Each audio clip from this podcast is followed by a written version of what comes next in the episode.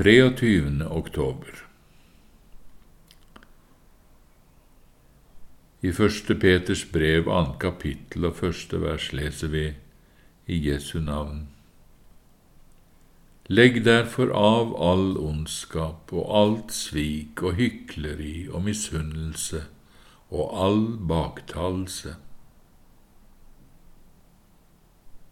Rosenius skriver. Det er jo et forskrekkelig bevis på vår dype fordervelse når vi, ofte uten å ha noen egentlig grunn for det, heller hører og taler om det som er galt hos et menneske, enn om det som er godt hos ham. Selv tåler vi svært så lite når det gjelder vårt eget omdømme. Vi har ikke lett for å svelge at noen har noe som helst å utsette på oss og alle vil gjerne at hele verden skal ha alt mulig godt å si om dem. Likevel har vi problemer med å tåle at det tales særdeles godt om andre. Den gamle slangen har forgiftet menneskene i den grad at to eller tre mennesker knapt er kommet sammen før et eller annet menneske blir gjenstand for en ukjærlig og lite positiv samtale.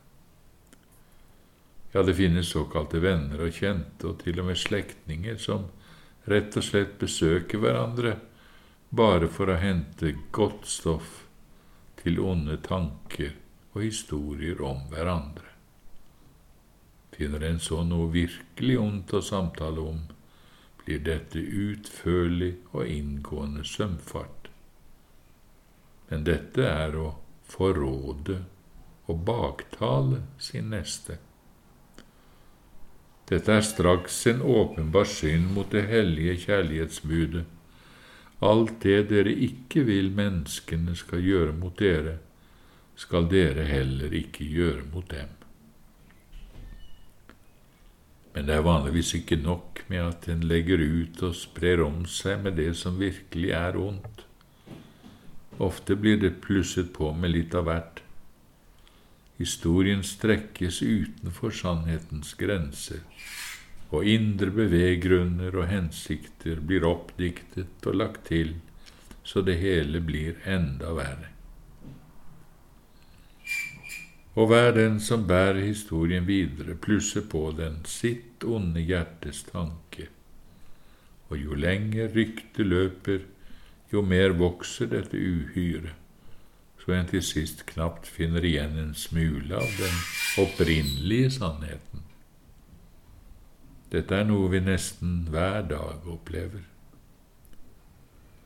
Måtte hvert eneste menneske som ennå har igjen noen frykt for Gud og redsel for synd, vokte seg vel for å delta i en slik forfølgelse.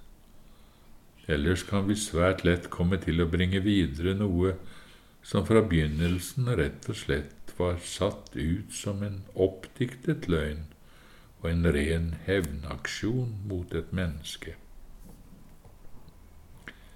Tror du Gud kan godta at du i tankeløs godtroenhet eller i hemmelig uvilje mot et menneske straks tror og går videre med alt du hører fortalt? Uten å egentlig ville det har mange på den måten blitt avskyelige baktalere. Alt som er vanlig blant verdens mennesker og hyklere, blir en fristelse for Guds barn, som det å tenke og tale ondt om enkelte mennesker.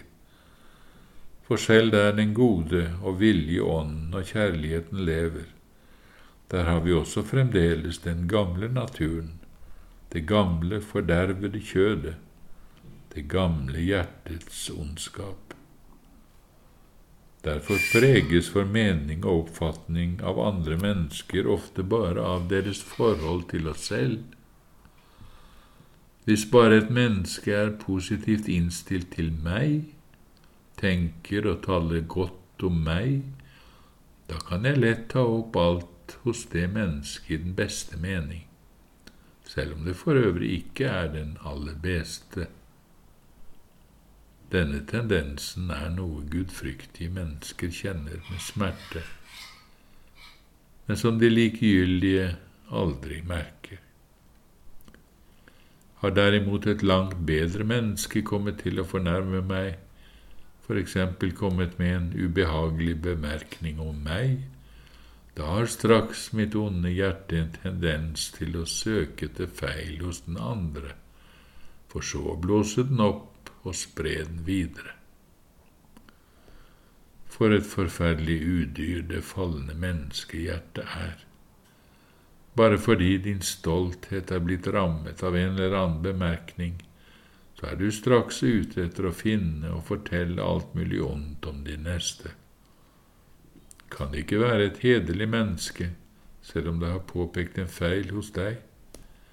Eller om Gud har velsignet det mennesket med en eller annen gave eller fortrinn framfor deg, kan ikke det likevel være et hederlig menneske? Hvorfor skal du være ute etter å finne alt mulig galt hos naboen din?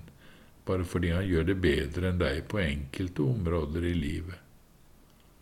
Hvor ofte har ikke en slik misunnelse i hjertet gjort at mange har begynt å tenke og tale ondt om samme menneske som de tidligere i mange år har vært glad i, og som de da bare så alt mulig godt hos. Det er svært nyttig for en kristen å tidlig ha klart for seg hvor falskt og lunefullt det onde hjertet er.